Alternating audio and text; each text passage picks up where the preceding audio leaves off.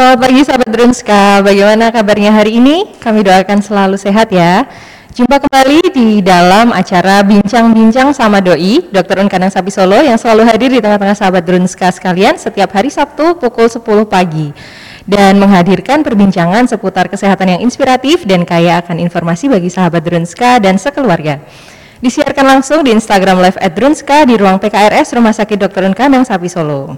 Dan hari ini bincang-bincang doi Dr. Unkanang Sapi Solo menghadirkan tema pentingnya manajemen stres, sebuah topik yang dekat dengan kita semua ya Mbak. Dan sahabat Drunska, kali ini bisa ikut berpartisipasi juga dalam acara kali ini dengan share love dan memberikan komentar atau pertanyaan seputar manajemen stres pada kolom chat di bawah ini ya. Selain berkesempatan dijawab langsung dengan Psikolog Rumah Sakit Dr. Kadang Sapi Solo akan ada giveaway menarik bagi pemirsa yang beruntung. Jadi simak informasinya sampai selesai. Dan saat ini Kristina sudah ditemani oleh psikolog Rumah Sakit Dr. Kadang Sapi Solo, Ibu Retno Rahmayanti, Sarjana Psikologi, Magister Psikologi Terapan Psikolog yang akrab dipanggil Ibu Inok. Selamat datang di Bincang-Bincang Doi, Bu Inok. Bagaimana kabarnya hari ini?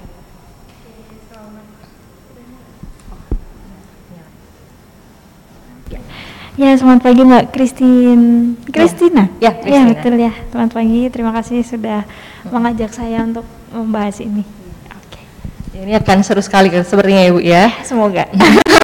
Pentingnya manajemen stres, topik yang kita akan bahas ini karena cukup dekat dengan keseharian kita semua nih ya Bu. Dan mungkin sebagai gambaran awal boleh diinformasikan secara singkat Bu.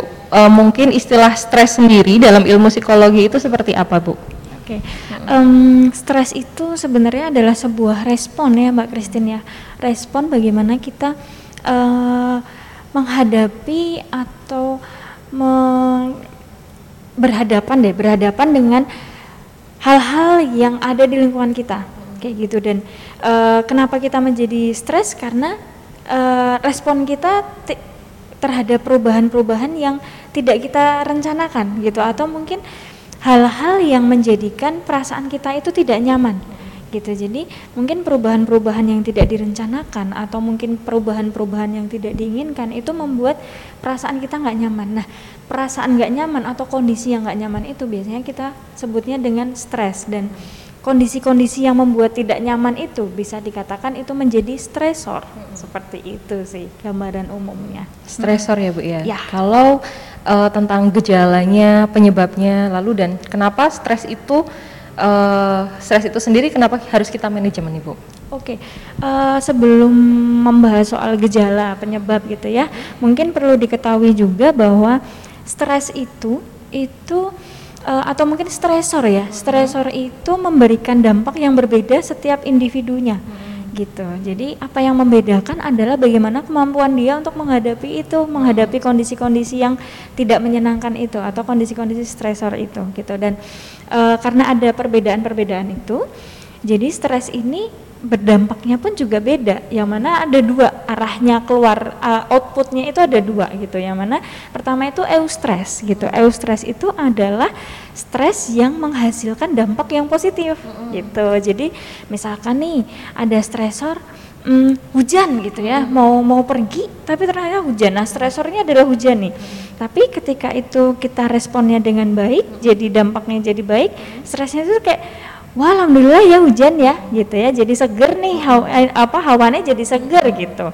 Itu eustress gitu. Nah tapi kalau di stresnya misalkan duh nggak jadi pergi nih nanti kalau bajuku bajuku basah gimana kalau becek gimana gitu. Jadinya kita semakin tidak nyaman lagi dengan kondisi itu.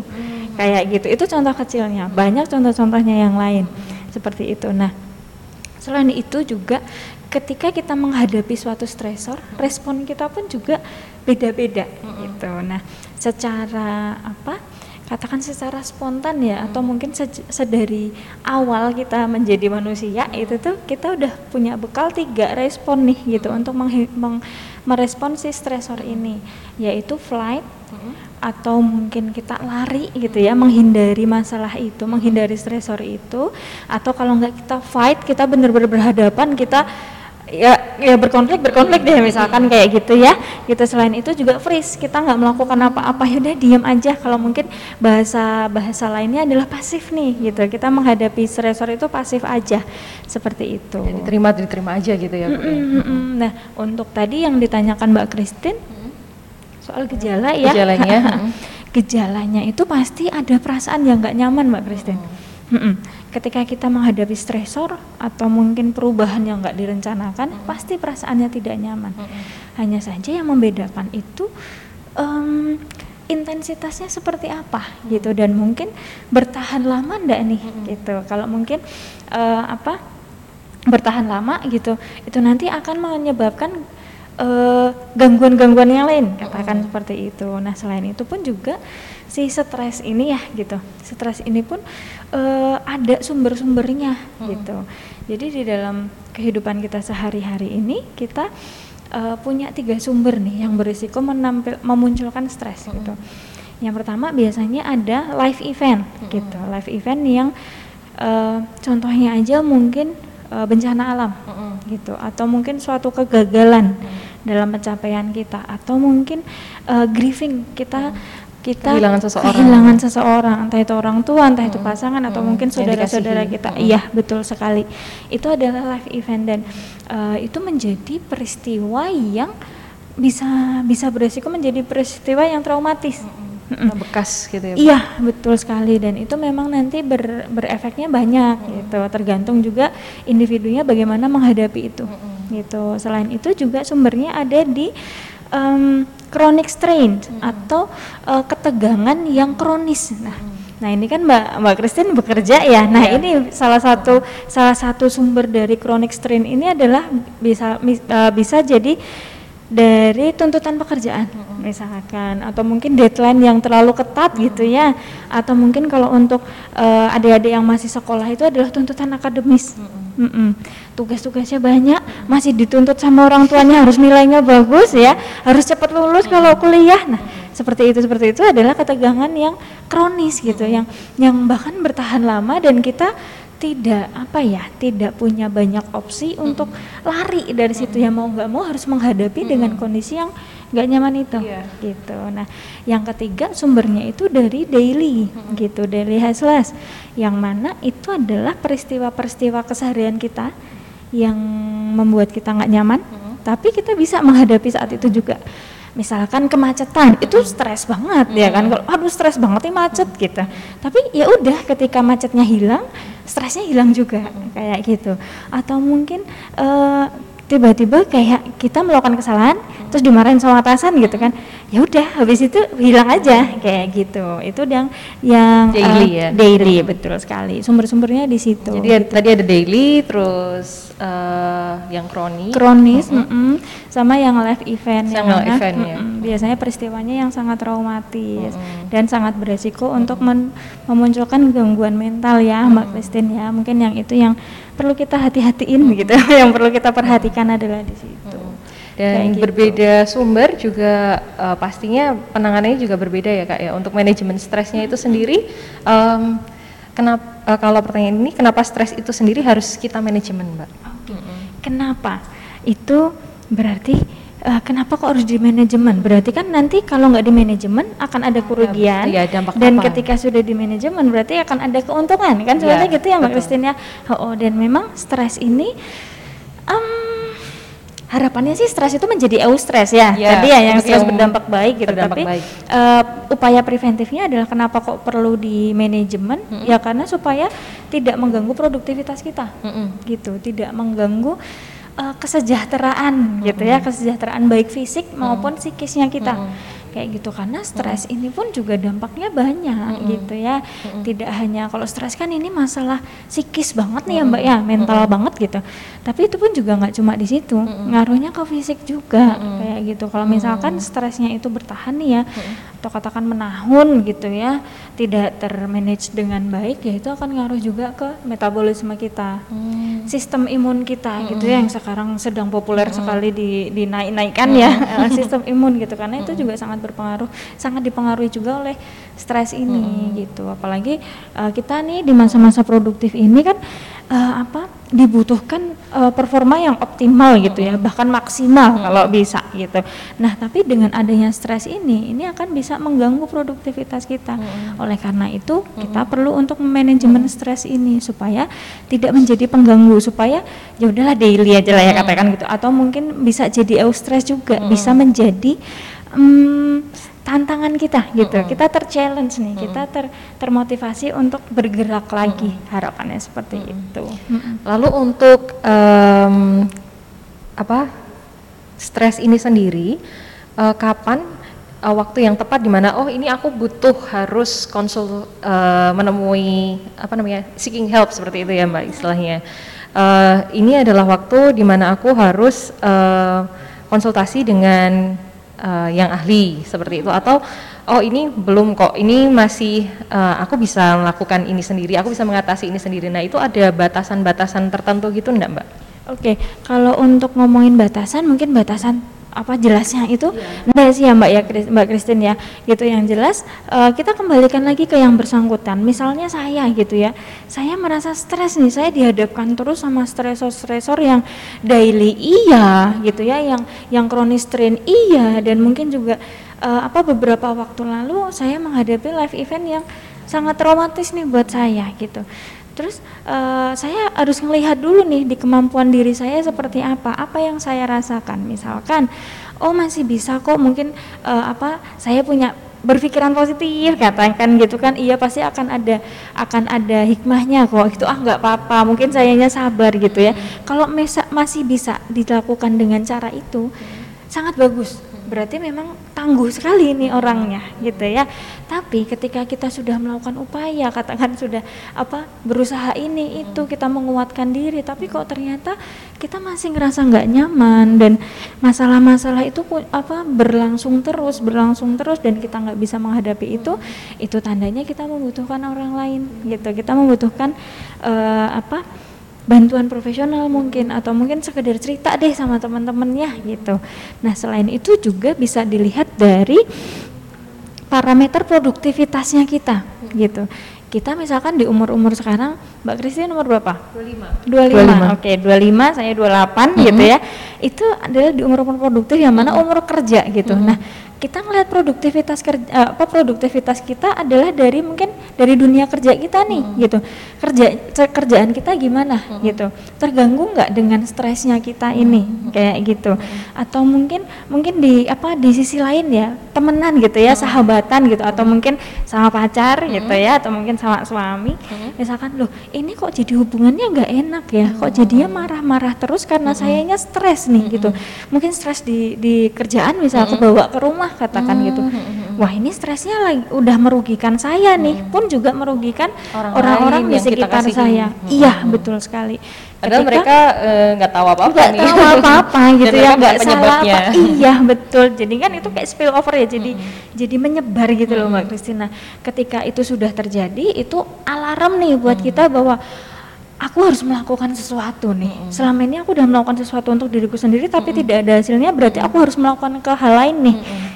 Entah itu cerita ke teman, mm. entah itu bertemu dengan profesional, profesional. mungkin ke psikolog, mungkin ke psikiater juga. Mm. Seperti mm. itu sih. Ketika udah nggak ganggu aktivitas gitu ya Kak. Iya, ya? betul Sudah sekali. merugikan mm. diri sendiri, merugikan mm. orang lain seperti iya. itu. Ya, oh, oh. Hmm. Dan tentunya kita pun juga perlu me, apa ya memiliki kesadaran diri hmm. yang baik hmm. ya gitu. uh, diri kita sendiri gitu iya, ya. dan misalkan nih ada orang lain kok kamu marah-marah terus sih? Hmm. Kok kerjamu nggak bener sih orang hmm. biasanya juga kamu hmm. bagus loh kerjanya atau mungkin pelajar gitu ya jadinya kok lo nilainya kok jelek-jelek terus padahal mm -hmm. dulu bagus dan IQ-nya katakan bagus gitu mm -hmm. jadi underachiever kan mm -hmm. jadi apa pe, apa pemenuhan mm -hmm. prestasinya pun juga tidak tidak optimal mm -hmm. nah itu baru uh, kita menyadari bahwa oh iya ya ternyata ada penurunan produktivitas mm -hmm. kayak gitu kesadaran dari diri sendiri pun juga dari pendapat dari orang-orang yang beneran apa ya benar-benar berkualitas mm -hmm. gitu hubungannya dengan kita iya. gitu lalu untuk uh,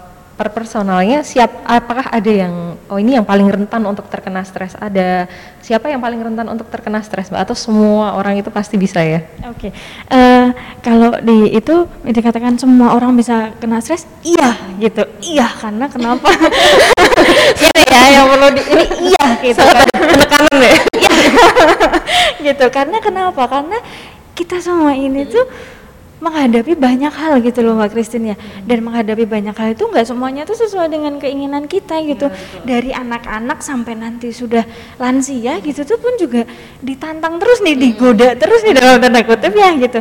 Kayak gitu dan stresor itu ada di mana-mana kayak gitu sih dan tapi juga apa hasil-hasil penelitian pun ya juga meng- mengatakan memang bisa terjadi di semua jenis kelamin, pekerjaan, status sosial, umur itu semuanya bisa terjadi. Tapi memang prevalensinya kebanyakan dari cewek nih gitu. Kalau yang cewek itu lebih lebih apa lebih rentan ter- terhadap stres itu gitu. Cuma itu pun juga tidak menutup kemungkinan untuk kaum kaum adam di luar sana ya itu untuk apa abai dengan dirinya sendiri karena stresor itu ada di mana-mana dan kemampuan kita pun juga bisa naik turun kan kadang bisa sabar nih gitu kadang bisa berpikir positif gitu kadang juga lelah juga jadinya stresnya jadi makin tinggi kayak gitu mbak Christine Oke Mbak.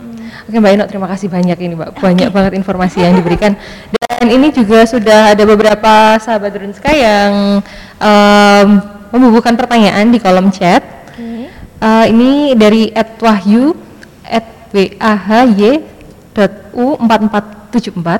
Apakah stres dapat disembuhkan dihil atau dihilangkan sama sekali? Oke, eh, Monggo, langsung dijawab ya. Oke, bisa disembuhkan atau dihilangkan sama sekali. Em, jawabannya sih bisa ya, gitu. Kenapa bisa? Karena itu lagi-lagi eh, berdasarkan kemampuan diri kita gitu. Bagaimana kita menghadapi itu. Bisa stresnya itu eh, setelah direspon dengan tepat gitu ya, menghasilkan eustress tadi mbak. Jadi malah bermanfaat nih stresnya buat kita gitu ya. Kalau mungkin ada istilah lain itu adalah stress related growth gitu. Jadi karena ada stres ini jadi kita bertumbuh kayak gitu. Kalau pertanyaannya itu ya bisa asalkan kenapa kitanya tahu gitu ya, kitanya mau dan kitanya mampu. Gitu. Dari tiga hal itu pasti bisa didapatkan. Mau? Mau, Mau. ta- tahu dulu, Tahu. Mm-mm, terus mau, Mau. mau nggak menghilangkan stresnya gitu ya. Terus habis itu mampu nggak gitu. Kayak gitu. Kalau dua ini kan diri sendiri ya. Kalau mampu, oh ternyata nggak mampu ya. Iya. Setelah di ini ternyata masih belum mampu nih. Yuk kita cari bantuan profesional. Gitu. Oke Mbak. Terus eh, dari Ed Heni Ceria BK, apa bedanya eustress dengan mindset yang mau maju gitu? Jadi kayak kalau mindset untuk maju dan eustress apakah berbeda seperti itu? Mungkin kalau masih dalam satu konteks mungkin Iya. ya Mbak Christine ya karena dengan mindset yang mau maju itu akan menghasilkan eustress. Iya. Nah, kayak gitu dengan apa ketika kita punya punya pemikiran, pola Yang pikir dan- positif. iya yang bagus ya yang mungkin eh, di sini mungkin ada ada daya lenting kalau mungkin istilah eh, istilah bahasa Iya. Inggrisnya itu ada resilience, Mm. self resilience atau resiliensi diri. Nah, ketika itu ada bagus, biasanya pun mindsetnya juga akan mengikuti gitu. Yang mana mau maju tadi. Nah, ketika itu sudah ada, pasti akan menghasilkan eustress seperti itu. Jadi mau mau ada stresor seperti apa ya dampaknya it's okay gitu. Nggak apa-apa itu pelajaran gitu itu pengalaman seperti itu. Nah itu kan mindset mindset yang positif tadi yang mau maju kayak gitu. Mbak Heni ya tadi ya. Iya Mbak Heni Oh. Ceria BK. Terus eh, dari AL A- AL.RY 0101 bagaimana cara bisa lebih memaafkan diri sendiri dari kenangan masa lalu agar terhindar dari stres dan depresi. Oh, ini masih terbayang-bayang masa lalu ini. Aduh, sepertinya muatan emosinya se- Muatan- masih banyak sekali Iya, ya. muatan emosi Hmm, banyak Bagaimana ini. memaafkan masa lalu. Aduh, jadi supaya tadi terhindar dari Terhindar dari Stres stres, ya? dan depresi Dan yang depresi berkelanjutan. ya. Mm-mm. Kronik Iya. seperti tadi ya, Kak, Oke, ya? apalagi itu mungkin ada hubungannya dengan live event tadi ya, Mbak ya. Misal katakan ada satu peristiwa yang sangat menyakitkan atau tidak menyenangkan gitu ya dan akhirnya berdampak ke banyak hal, ke aspek banyak kehidupan kita. Yang mana pertama adalah disadari dulu bahwa itu adalah pengalaman yang tidak mudah gitu, tidak indah gitu ya, tidak menyenangkan gitu dan bahkan menyakitkan. Yang pertama adalah disadari dulu. Kadang Tahu itu tadi ya, Mbak ya. Iya, kadang kita pun apa denial gitu. Kita tuh menolak, ah nggak apa-apa masa cuma kayak gitu aja aku sakit hati sih misalkan kayak gitu. Tapi ketika kita merasakan sakit hati itu nyata loh Mm-mm, gitu ya. dan itu eh, Emosi yang- itu nyata gitu. Iya betul emosi itu nyata dan emosi itu minta untuk diindahkan gitu Mm-mm. dan butuh untuk diindahkan butuh Mm-mm. untuk diterima oleh yang Mm-mm. bersangkutan. Mm-mm.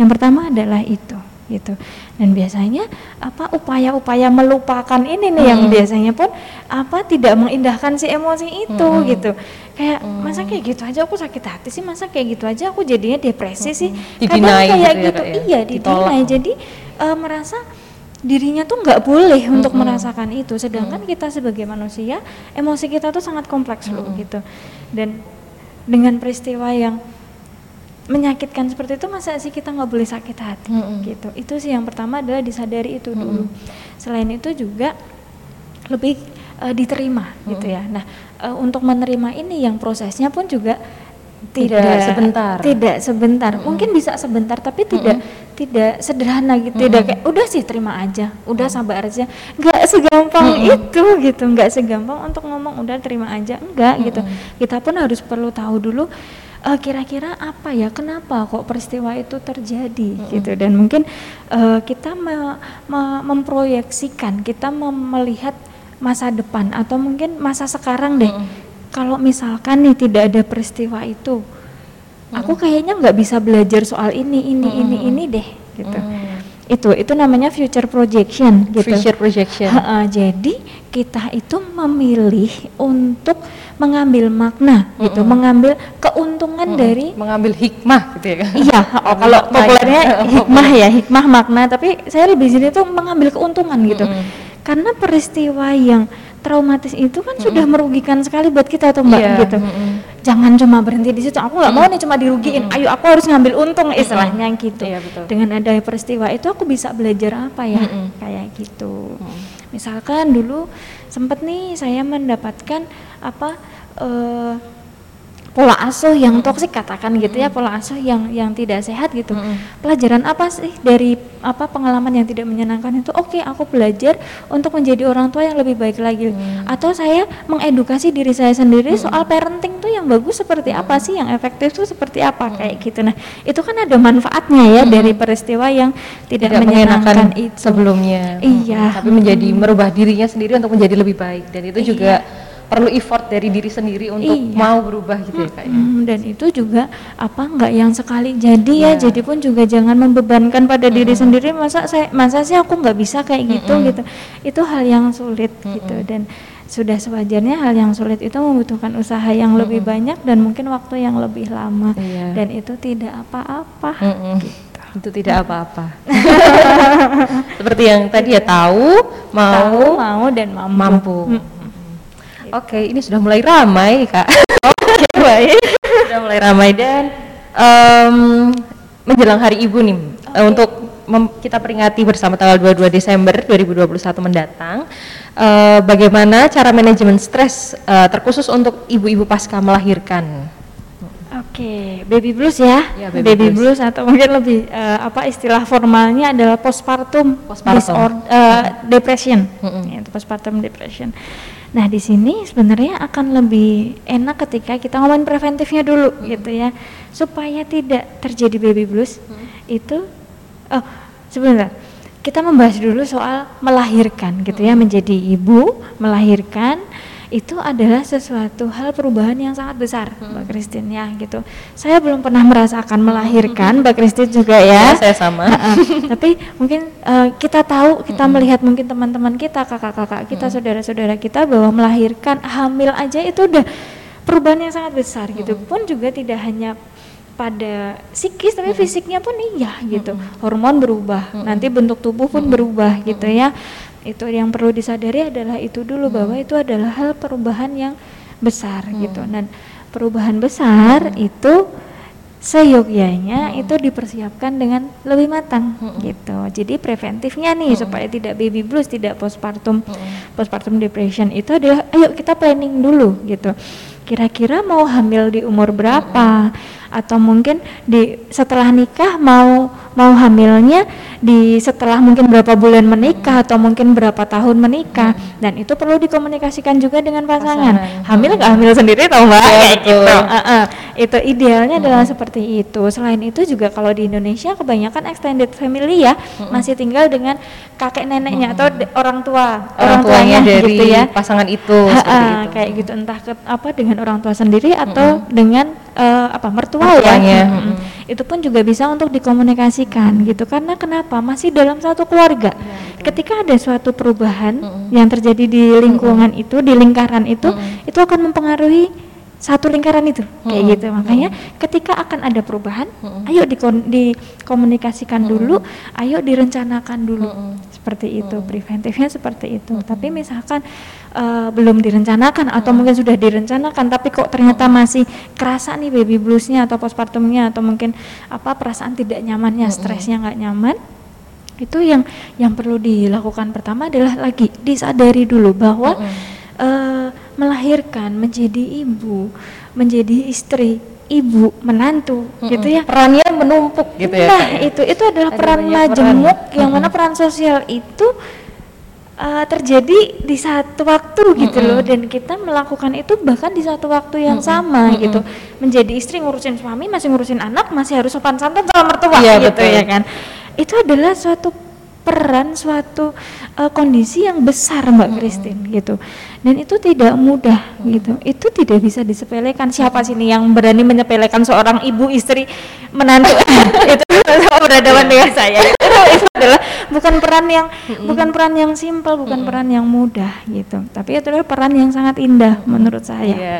ya. Yang indah namun juga perlu banyak konsekuensinya ya iya ya? betul. Banyak usahanya Banyak juga. Yang usahanya. pertama adalah itu gitu. Dan peran sebagai ibu melahirkan itu tidak selesai di satu hari aja. Ngelahirin weh weh weh udah selesai nih.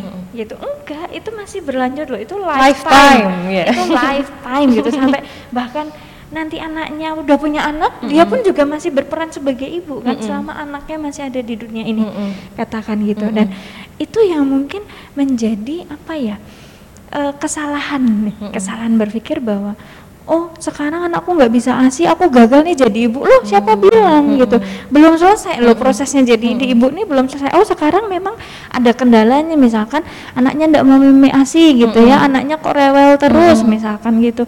Ini kok rumahnya jadi berantakan gitu. Itu nggak gagal itu tantangan gitu. Dan itu yang mungkin dirasakan oleh ibu-ibu gitu ya ibu baru gitu ibu muda adalah di situ. Jadi malah dianya yang membebankan pada dirinya sendiri. Seperti itu. Nah, selain itu, selain pun juga ada beban yang lebih yang lebih berat dari sebelumnya, itu pun juga akan ada ekspektasi yang lebih tinggi terhadap pasangannya. Iya. gitu. Nah, lebih ekspektasinya lebih besar ketika eh, sudah memiliki anak seperti itu ya. Iya kan Perlu harusnya bantuan kamu itu banyak iya, gitu ya. harusnya kamu bantuin aku loh gitu. Harusnya ini aku tuh udah ini udah ini harusnya kamu ini ini ini. Nah itu adalah ekspektasi. Gitu. Nah tapi di sini yang menjadi problem adalah ketika ekspektasi itu tidak dikonfirmasikan gitu. Itu malah menjadi racun buat diri kita sendiri. Ya, itu malah dikomunikasikan dengan baik dengan pasangan Iya, dan responnya juga tidak sesuai gitu ya. Iya betul. Jadi perlu ada komunikasi yang asertif ya. Asertif itu adalah me- mengu- mengungkapkan apa yang diinginkan juga memberikan pertimbangan juga bagaimana. Aku pengen kayak gini-gini, kamu kira-kira bisa nggak ya? Atau misalkan nggak bisa, nanti dikasihkan solusi yang lain. Kalau kayak gini-gini gini gimana? Misalkan seperti itu dan komunikasi perlu terus dijalin dengan pasangan. Karena anak itu nggak cuma anaknya ibu tuh, Iya, gitu. Itu betul. adalah anaknya ayahnya Iya, juga betul. anak suami juga seperti itu jadi ibu-ibu di luar sana Iya. Ibu di rumah yang iya, melihat ingatlah eh, ibu di sana tidak berjuang sendiri Iya. ya gitu ibu tidak sendirian. iya betul sekali Oke, ini sudah mulai ramai juga Ibu. Lalu untuk eh, ini tadi kan untuk ibu-ibu yang pasca melahirkan. Bagaimana kalau untuk wanita karir baik yang sudah menjadi ibu tapi harus berkarir atau memang eh, yang belum menjadi ibu rumah tangga tapi eh, yang belum menjadi ibu tapi eh, berkarir seperti kita berdua Kak. Itu kan pasti eh, mengalami stres dan bagaimana cara menghindari stres saat menghadapi tekanan di tempat kerja. Oke, hmm, ini lagi-lagi soal peran sosial ya Mbak Iya, peran ya. sosial. Heeh, peran sebagai mungkin kalau saya sebagai anak karena saya belum menikah ya saya sebagai anak saya sebagai pekerja saya sebagai rekan kerja juga gitu. Jadi nggak cuma kerja untuk atasan atau mungkin ke pasien tapi juga saya berhubungan juga dengan rekan-rekan kerja saya. Itu adalah peran sosial. Ditambah lagi di eh, rumah nanti dengan iya. keluarga. Iya gitu. Terus juga ditambah lagi misalkan ada ada apa peran yang lain, ada ada seseorang yang lain gitu kan. eh, Kekasih. udah punya apa? kekasih Itulah itu adalah peran sosial yang tindih ya kan. Heeh. Gitu. Selain itu misalkan ditambah lagi nih gitu. Apa menjadi ada seorang pekerja yang menjadi ibu, menjadi istri gitu ya. Dan itu adalah peran sosial eh, bayangin kelopak bunga bunga gitu ya kita di dalam tengahnya dan peran-peran sosial itu menjadi kelopak bunganya kita gitu dan itu semakin banyak semakin semakin banyak kelopak bunga yang mana semakin banyak peran sosialnya semakin apa ya dibutuhkan kemampuan diri kita untuk memanage itu gitu loh, memanajemen peran-peran sosial itu gitu. Dan kita adalah menjadi eh, core-nya menjadi intinya menjadi komandonya situ menjadi masternya situ gitu. Yang makanya eh, apa kendalinya itu bukan di peran sosialnya tapi adalah di di mana di diri kita sendiri yang mengemban peran-peran sosial itu gitu. Untuk menghindarinya yang jelas kita menguatkan diri kita sendiri ya gitu. Yang mana ada peran-peran sosial yang uh, memberikan kita pilihan gitu. Mau nggak jadi pekerja nggak ya? Gitu. Atau mungkin aku mau jadi ibu rumah tangga aja atau ibu plus juga pekerja ya? Itu adalah peran-peran yang bisa kita pilih. Even untuk jadi ibu aja kita bisa memilih sebenarnya. Kita mau punya anak nggak ya? Kayak gitu. Itu yang perlu disadari bahwa uh, ada beberapa peran yang bisa kita pilih. Kita punya kuasa di situ gitu. Angka lebih baiknya ketika kita pun juga menyadari itu gitu. Kita mencoba untuk bijak untuk diri kita sendiri. Kita mencoba untuk konsisten konsekuen untuk diri kita sendiri gitu. Ketika kita sudah tahu ketika kita sudah menyadari dan akhirnya kita bisa menerima peran itu kita akan menjalankan peran itu secara sukacita gitu. Mau kerjaannya capek mau nanti apa anaknya rewel gitu ya kita sukacita gitu. Ada ada muarahnya, ada jengkelnya gitu ya, ada capeknya juga. Tapi kita tetap bisa untuk bangkit gitu. Asalkan tadi disadari dulu. Kayak gitu dan bahwa peran-peran sosial itu adalah eh, apa ya? peluang untuk kita untuk mengembangkan diri kita sendiri. Mm-mm, bukan kok peran sosial yang menyempitkan diri kita enggak, tapi diri kita ini dengan adanya peran sosial itu kita bisa berkembang lagi, kita bisa lebih memahami orang lain lagi, pun jauh lebih bisa memahami diri kita sendiri.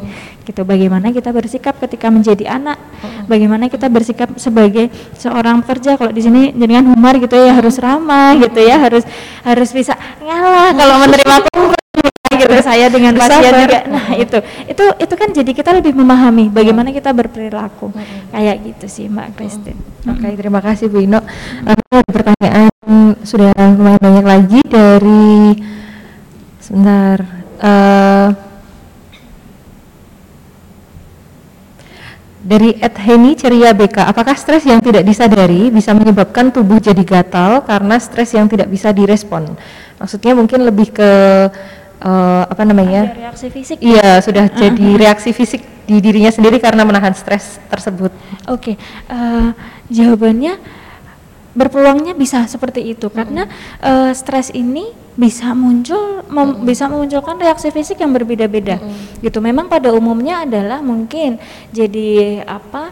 Jadi jantungnya berdebar gitu, jadi lemas misalkan, jadi tidurnya nggak nyenyak, jadi nggak nafsu makan atau bahkan na- makannya kok jadi lebih banyak dari biasanya, tidurnya jadi lebih lama, seperti itu reaksi fisik yang wajar ya. Terus biasanya perutnya sakit, mual, tension headache, jadi sakit kepala gitu. Pun Mah juga bisa. Iya, eh, mah itu udah eh, kayak ada ada tolnya gitu ya. Kalau udah itu udah nyalurnya ke situ gitu. Iya, pasti asal lambungnya lagi stres ya biasanya kalau di di dokter-dokter spesialis dalam ya.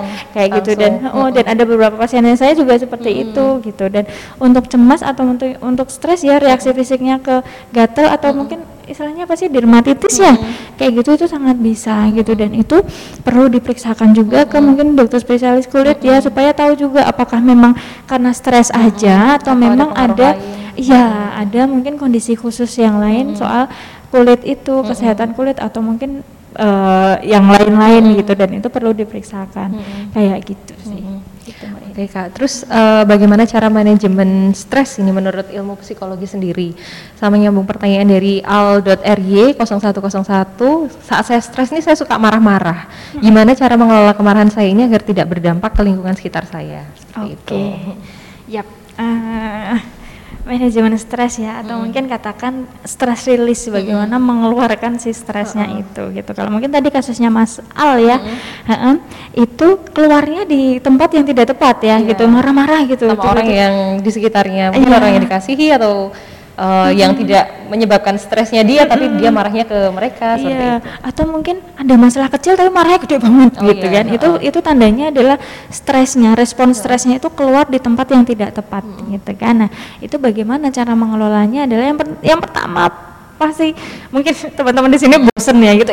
Disadari dulu, disadari Iya. dulu, disadari dulu bahwa oh ini aku lagi stres nih tadi tuh kerjaan gini gini gini gini. Aku kalau aku stres tuh mungkin karena ada pengalaman sebelumnya aku bakal marah-marah nih.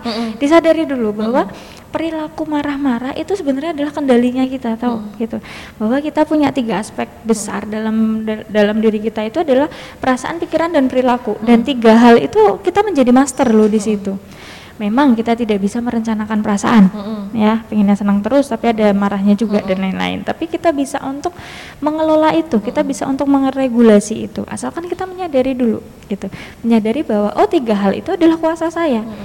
Lah kalau ininya jadinya nggak sengaja jadi marah-marah sayanya nyesel loh. Berarti kita eh, apa saya masih belum berhasil nih untuk menjadi master di perilaku saya. Kayak gitu. Nah itu disadari dulu. Dan mungkin eh, kalau apa ya bisa tahu nih triggernya apa atau mungkin kita sensitifnya soal apa sih itu akan lebih baik lagi gitu. Setelah disadari yuk coba diterima. Bukan berarti lo kan aku harusnya nggak marah ya gitu. Marah dan marah-marah itu beda. Beda ya marah itu emosi marah-marah itu perilaku gitu. Marah itu wajar. Misalkan udah ngerjain kerjaan bagus nih gitu. Tapi masih dicaci aja itu ya sama atasan gitu atau mungkin nggak dihargai sama sekali misalkan gitu. Marah itu wajar gitu. Makanya setelah kita menyadari oh ada peristiwa itu ada emosi itu kita terima iya wajar lah aku marah orang kayak gitu kok gitu. Tapi setelahnya bagaimana kita merespon itu? Kayak gitu. Dan respon itu eh, respon atau bagaimana kita menghadapi itu ada dua macam. Emosional fokus atau eh, solution fokus gitu. Kita mau terus-terusan marah atau mau oh yaudah ini kerjaanku mungkin, mungkin eh, apa masih ada kurangnya yaudahlah tak kerjain. Itu adalah solution fokus kayak gitu. Dan mm, selain itu juga selain menyadari dan eh, ap- akhirnya merespon gitu ya itu pun juga kita eh, ada cara-cara untuk menyamankan diri kita dari stres itu. Karena stres itu sangat-sangat tidak nyaman untuk diri kita. Apalagi kalau sudah menetap gitu ya eh, apalagi stresornya sangat kuat gitu. Nah itu caranya sebenarnya sangat simple gitu ya. Itu adalah deep breathing Mbak. kita nafas nih tiap hari nafas. Kita butuh nafas ya gitu. Tapi ketika kondisi stres dan itu mengganggu kita kita perlu untuk mengoptimalkan bernafasnya kita. Makanya kenapa ada metode deep breathing ini gitu. Mungkin kalau di apa udah sering-sering diedukasi juga em- hitungannya 478 gitu ya. Tapi sebenarnya itu didasarkan pada kenyamanan kita masing-masing. Konsepnya atau mungkin eh, pokok utamanya itu adalah kita tarik nafas, kita tahan semampu kita, terus eh, setelah itu dihembuskan sepanjang yang bisa kita lakukan gitu. Biasanya hitungannya itu tadi 4 7 8 pun juga ada aplikasinya ya untuk memandu kita dan itu sangat sangat sangat bisa untuk kita lakukan setiap hari setiap saat. Setiap hari, setiap saat, Setiap saat itu. Terutama juga ketika kita sudah menghadapi eh, stresor. Iya ya, betul sekali gitu dan. Mungkin sedikit cerita dari saya. Saya ketika sama pasien gitu ya terus saya tensionnya naik nih ya. Ini mungkin saya terlalu apa ya terlalu berempati gitu ya dengan pasien pun saya juga mungkin ikut marah gitu Iya, ya. betul. dari ceritanya pasien saya marah-marah saya ikut marah juga. Saya melakukan itu di breathing sangat-sangat bermanfaat karena kenapa supaya kit- saya menjadi master lagi nih ke atas diri kita sendiri. Iya betul sekali gitu. Nah, mungkin dari Mas uh, Mas Al ya tadi ya bisa melakukan itu dan itu perlu dilatih juga gitu. Misalkan masih masih terlalu sulit nih untuk membiasakan gitu. Coba deh dijadwalkan atau di alarm deh kita coba nyari alarm gitu. Oke, di breathing dulu. Kayak gitu. Selain itu juga ada metode yang finger hold, Mbak gitu. Jadi uh, kita bisa untuk menggenggam secara mantap jari-jari kita. Sambil di breathing tadi ya di breathing kita menggenggam jari. Mungkin mbak Kirsten bisa nah uh, uh, gitu. Jadi jempolnya di, digenggam gini. Uh, uh. nah seperti itu. Itu senyaman mungkin. Jadi digenggam kalau sudah nyaman kita ganti ke jari yang lain. Sambil di breathing. Sambil di breathing kalau sambil bisa. menenangkan diri iya betul. Dan itu uh, perlu dilatih secara rutin supaya durasinya itu itu pun memendek gitu. Jadi kan kita jadi lebih lebih mudah dilakukan mana aja ya. Nggak perlu harus sampai satu jam dulu gitu ya. Nggak perlu harus setengah jam tapi bisa dilakukan lima menit udah setelah itu kita netral lagi gitu. Asalkan tetap diru- dirutinkan tadi. Sama seperti latihan fisik. Awalnya kita nggak kuat naik satu lantai aja udah ngap gitu. Tapi kalau kita latihan latihan terus naik tiga lantai sih nggak kerasa. Kayak gitu. Intinya seperti latihan fisik gitu. Nah selain itu juga ada cara lagi yang mana kita bisa keluar dari lingkungan kita dulu. Gitu misalkan kita kerja nih kerja di satu ruangan gitu ya kok penat banget kok stres banget gitu ya. Kayak tadi mungkin ketegangan ketegangan yang kronis tuh ya gitu. Kita merutinkan untuk keluar dulu deh dari ruangan itu katakan lima menit untuk di breathing misalkan untuk sekedar melihat pandangan yang Iya, baru kayak gitu gitu. lain. Mm-mm. itu adalah grounding yang bisa dilakukan di tempat kerja atau mungkin di tempat mana pun misalkan gitu. Mungkin lagi di rumah gitu ya lagi jengkel banget sama anak gitu atau mungkin sama suami keluar dulu deh jangan di kamar dulu gitu. Karena basicnya manusia itu kan menyerap energi tahu Iya. gitu. Ketika energinya di sekelilingnya negatif kita akan ikut ikut negatif juga. Apalagi kalau itu kita nggak menyadari bahwa oh ini lingkungannya kayak gini ya. Kayak gitu. Makanya kita perlu nih keluar dulu cari atmosfer yang baru cari oksigen yang baru. Nanti kita masuk lagi kita jadi lebih netral lagi. Kayak gitu. Selain itu juga ada ya untuk terapi kayak mungkin eh, tahap lanjut ya Mbak Christine ya gitu. Yang tadi misalkan tidak bisa dilakukan sendiri nanti bisa dipandu oleh profesional. Kayak gitu. Ada sih ada ada beberapa macam cara lagi. Itu sih.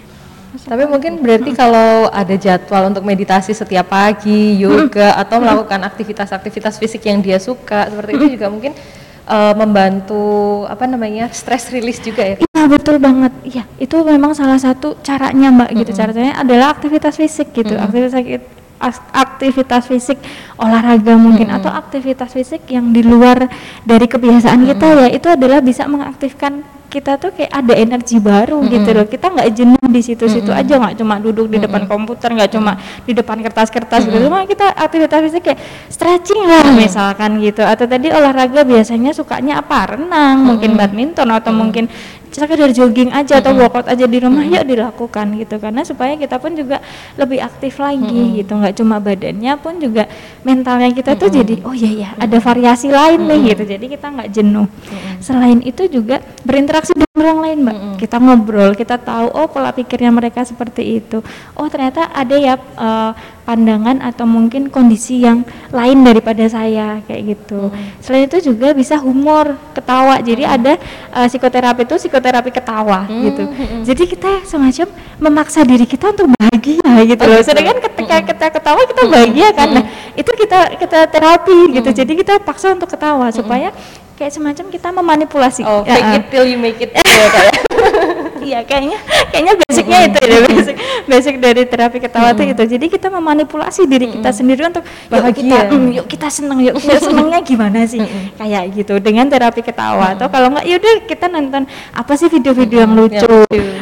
atau mungkin video yang yang apa atau film apa gitu yang dulu kayak kita nonton itu ketawa-ketawa terus deh gitu. Eh yuk ditonton, Ditonton lagi, kayak gitu sih Untuk cari atmosfer baru itu ya kak, biar nggak marah-marah. Jangan marah-marah Mas Al. iya Gitu. salah satunya seperti itu. Oke mungkin sebagai intermezzo dulu nih Bu, Eh, ini kan sudah ada banyak sahabat. Drones kayak sudah berha- bergabung, terima kasih. Oh. dan boleh menyampaikan pertanyaan dengan Bu Inok melalui kolom chat. Dan bagi sahabat Drones yang beruntung nanti akan berkesempatan mendapatkan giveaway dari rumah sakit. Dan eh, sudah ada banyak pertanyaan akan kita bacakan satu persatu nanti Bu. Dan sebelum itu eh sebagai pelepas dahaga Bu, ini sudah ada jus dari Cafe Diet, mungkin bisa dinikmati terlebih dahulu sembari saya Terima menginformasikan kepada sahabat Drunska di rumah yang belum tahu nih mungkin ya. Kalau di rumah sakit kita, Rumah Sakit Dr. Kandang Sapi Solo melayani eh, layanan catering makanan dan minuman sehat dari Cafe Diet. Dan Cafe Diet sendiri berlokasi di main hall Rumah Sakit Dr. Kandang Sapi Solo dan tersedia berbagai menu, ada menu diet yang bisa diorder secara offline maupun online dan bisa diantar juga ke rumah eh, sampai di rumah juga. Dan buat sahabat Drunska yang ingin memesan menu catering makanan sehat, kue kering rendah lemak, catering sonde atau makanan pendamping air susu ibu, jus segar juga ada. Bisa langsung menghubungi nomor Cafe Diet di 0815 7639 333. Saya ulangi 0815 7639 333. Selain itu, di masa adaptasi kebiasaan baru, sahabat Drunska juga bisa melakukan screening COVID-19 dengan swab antigen dan swab tes PCR dengan sistem drive-thru dan non-drive-thru di Rumah Sakit Dr. Unkana Sapi Solo. Pendaftaran, jadwal pemeriksaan, dan cek hasilnya bisa melalui website di antigen.drunska.com dan pcr.drunska.com.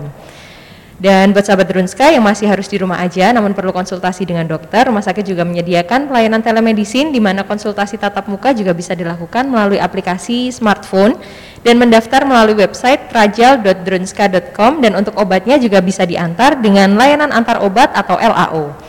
Konsultasi psikologi dengan Bu Inok juga bisa ya, dan juga bisa dilakukan melalui telemedicine dengan Ibu Ino. Seperti itu. Informasi jadwal bisa disimak pada banner berikut ini. Dan uh, apa sudah ada pertanyaan-pertanyaan lagi dari sahabat Drunska kita bacakan satu persatu ya Bu Ina Oke, ya. baik. Ini uh, dari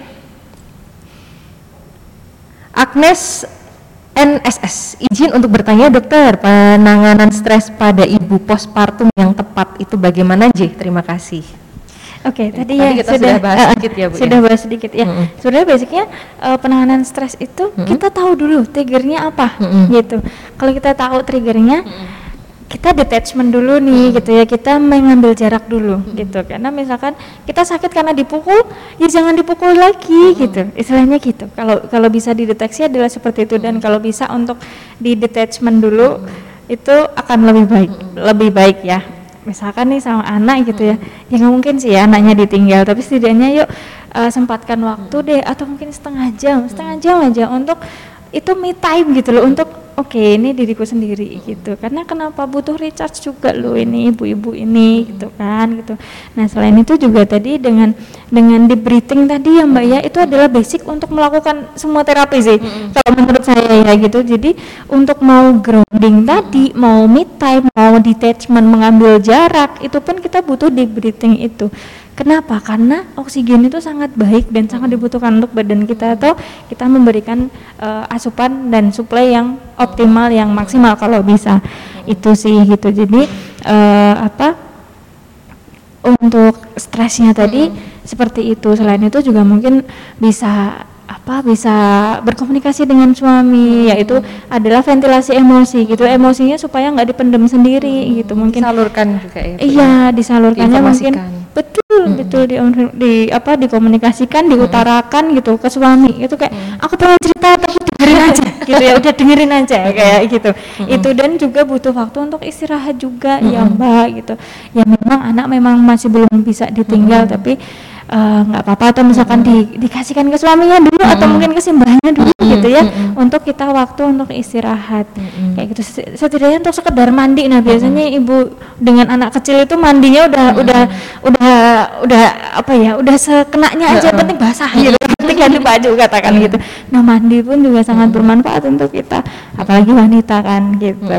Itu sih mungkin lebih ke self love nya ya self love dan mungkin compassion pada diri sendiri bahwa eh, ibu adalah menjalani peran yang sangat mulia, yang sangat indah gitu dan itu tidak berakhir di satu hari. Jadi ketika hari ini masih belum lancar pun juga masih ada proses-proses berikutnya gitu dan masih punya untuk kesempatan untuk memperbaiki lagi gitu. Jadi jangan menyalahkan diri sendiri gitu ya.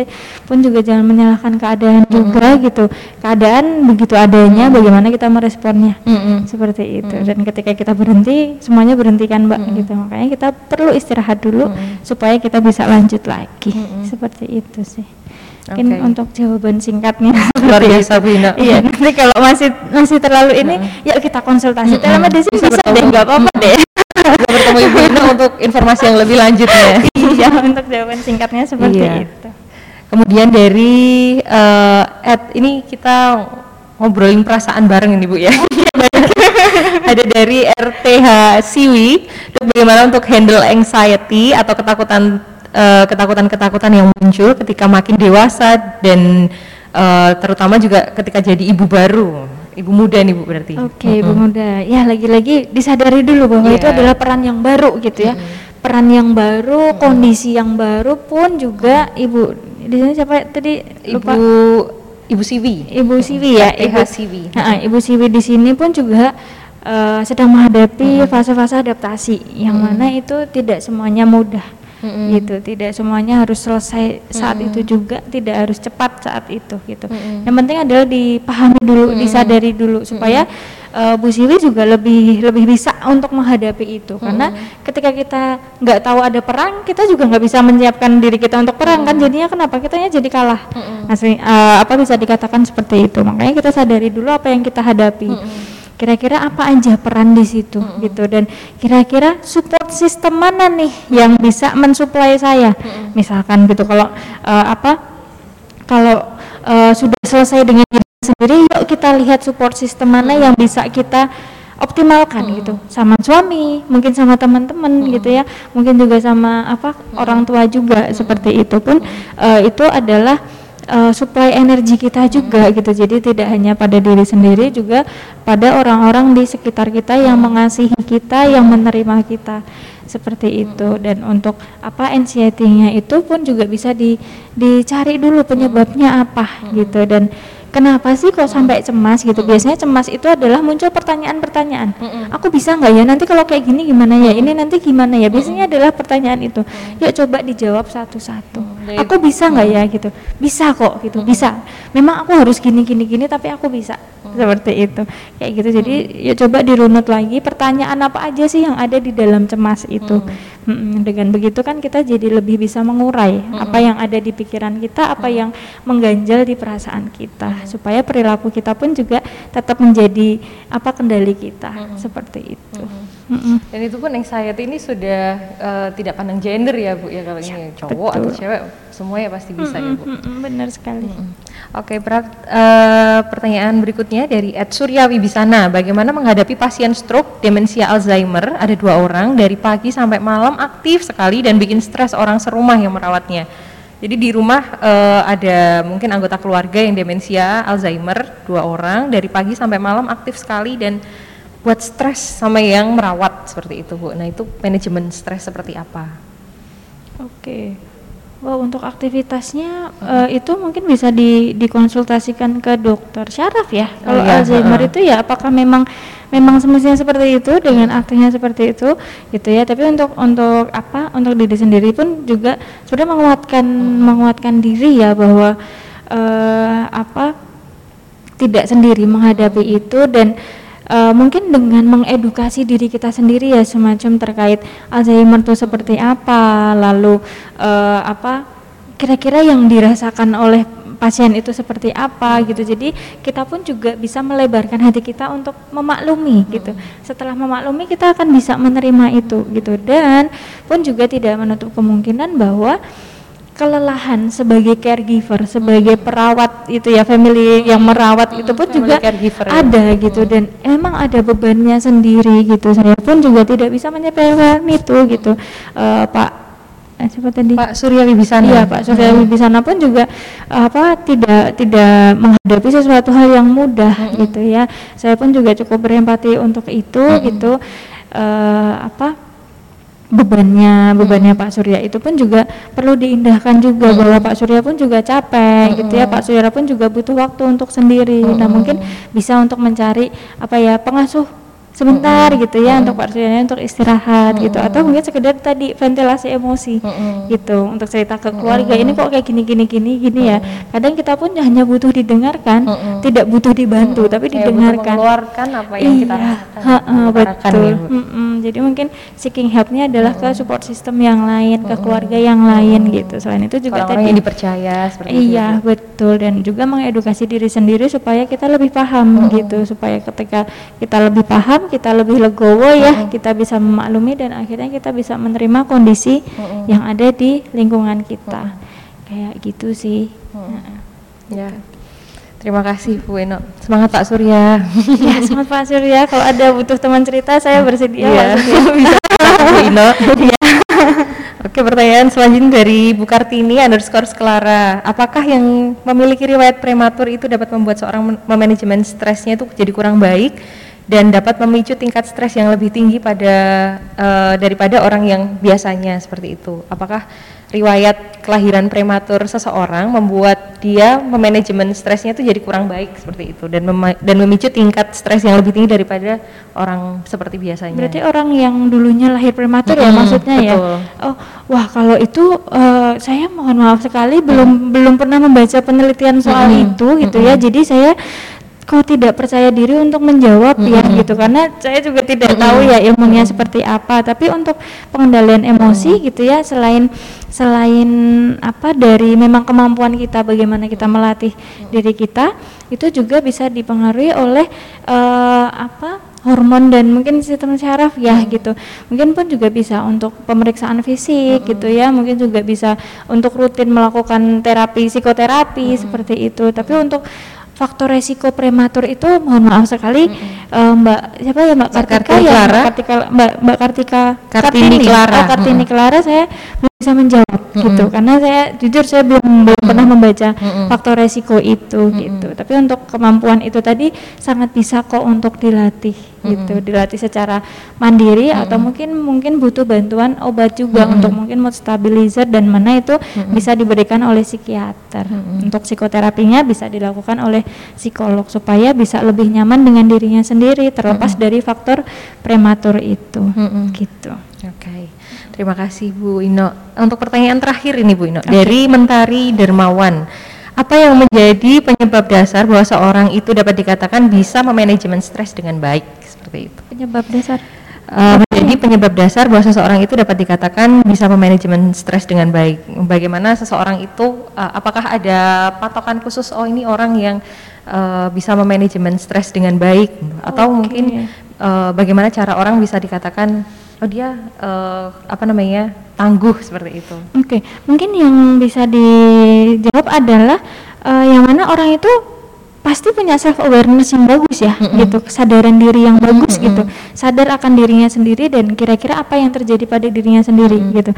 Ketika sudah punya itu, itu adalah bekal yang besar untuk bisa memanajemen stres seperti itu. Selain itu juga mungkin sekarang eh, apa saat ini kan support system itu sangat digaungkan ya gitu. Apalagi kita di Indonesia gitu ya dengan dengan apa budaya yang yang sosial apa ya yang komunal ya bisa dikatakan gitu itu pun juga eh, bagusnya di situ gitu. Supaya ketika support sistemnya bagus itu juga salah satu bekal untuk bisa memanajemen stres selain itu juga mungkin mengedukasi diri sendiri ya gitu knowledge gitu ya knowledge tentang dirinya sendiri pun juga tentang eh, bagaimana mungkin mengikuti acara seperti ini pun juga berharapnya dapat ilmu yang baru kayak gitu sih. Mungkin eh, penyebab dasar atau mungkin kondisi dasar ya gitu kondisi dasar eh, seseorang tuh bisa memanage stresnya dengan baik adalah itu sih yang jelas self awareness itu Self awareness. Bagaimana mengenali diri sendiri, Iya. eh, batasan-batasan seperti apa yang dia miliki Betul. seperti itu ya. dan kan? tadi yang manage tiga tiga aspek yang penting tadi pikiran perasaan dan perilaku itu dengan self awareness yang bagus kan itu juga akan menjadi master yang kokoh juga gitu untuk dirinya sendiri dulu setidaknya seperti itu Begitu. Baik, Ya. terima kasih Bu Ino. Ya. Eh, semoga menjawab Ibu Mentari Dermawan. Terima kasih banyak Bu Ino untuk informasi yang sudah dibagikan kepada kita dan sahabat Drunska sekalian yang eh, bergabung. Dan terima kasih juga untuk sahabat Drunska sekalian yang sudah meluangkan waktu untuk bergabung bersama kita di perbincangan seputar perasaan hari ini. oke Dan em, Ibu Ino tidak terasa ini waktu perjumpaan kita sudah habis. Terima kasih banyak untuk edukasi dan informasi yang diberikan siang ini kepada kita semua. Dan berikut ada kenangan dari rumah sakit, eh, ada kaos. Hmm. Oh, empati atiku. wah empati ya Hmm. Oke, setuju saya. Iya, ada empati di Iya. kita semua. ya, eh, dan sebelum mengakhiri perjumpaan kali ini, Bu, mungkin ada take home message yang ingin disampaikan sama sahabat Drunska sebelum kita tutup, Bu. Oke, mungkin eh, pesannya untuk memanajemen stres gitu ya, kita perlu tahu juga dulu stresnya apa. Untuk tahu stres kita perlu tahu dulu identifikasi stresor apa aja yang ada di lingkungan kita gitu. Oleh karena itu untuk memanajemen stres yuk kita kenali lagi diri kita. Kenali lagi apa saja yang berpengaruh untuk diri kita. Seperti itu dengan gitu kita bisa untuk lebih menjadi master untuk diri kita sendiri. Itu. Oke. Terima Terima kasih banyak Bu Ino. Terima kasih sahabat Drunska semua yang sudah setia mengikuti dari awal hingga akhir dan pemenang giveaway akan diumumkan besok melalui Instagram TV @drunska. Jadi tetap ikuti sosial media kami di Facebook, Instagram dan YouTube @drunska serta website www.drunska.com untuk informasi kesehatan yang up to date di Rumah Sakit Dr. Kandang Sapi Solo. Selamat melanjutkan aktivitas bagi sahabat Drunska sekalian. Jangan lupa tetap mematuhi protokol kesehatan, menjaga kebersihan dan selalu jaga kesehatan. Kita berdoa bersama agar wabah virus corona ini segera berakhir dan jaga selalu jaga kesehatan selalu untuk sahabat Drunska di rumah. Mohon maaf apabila ada salah kata atau ucap yang kami sampaikan. Saya Kristina dan Ibu Inok kami undur diri sampai jumpa di acara bincang-bincang doi selanjutnya. Bye bye. Bye bye, terima kasih. Terima kasih.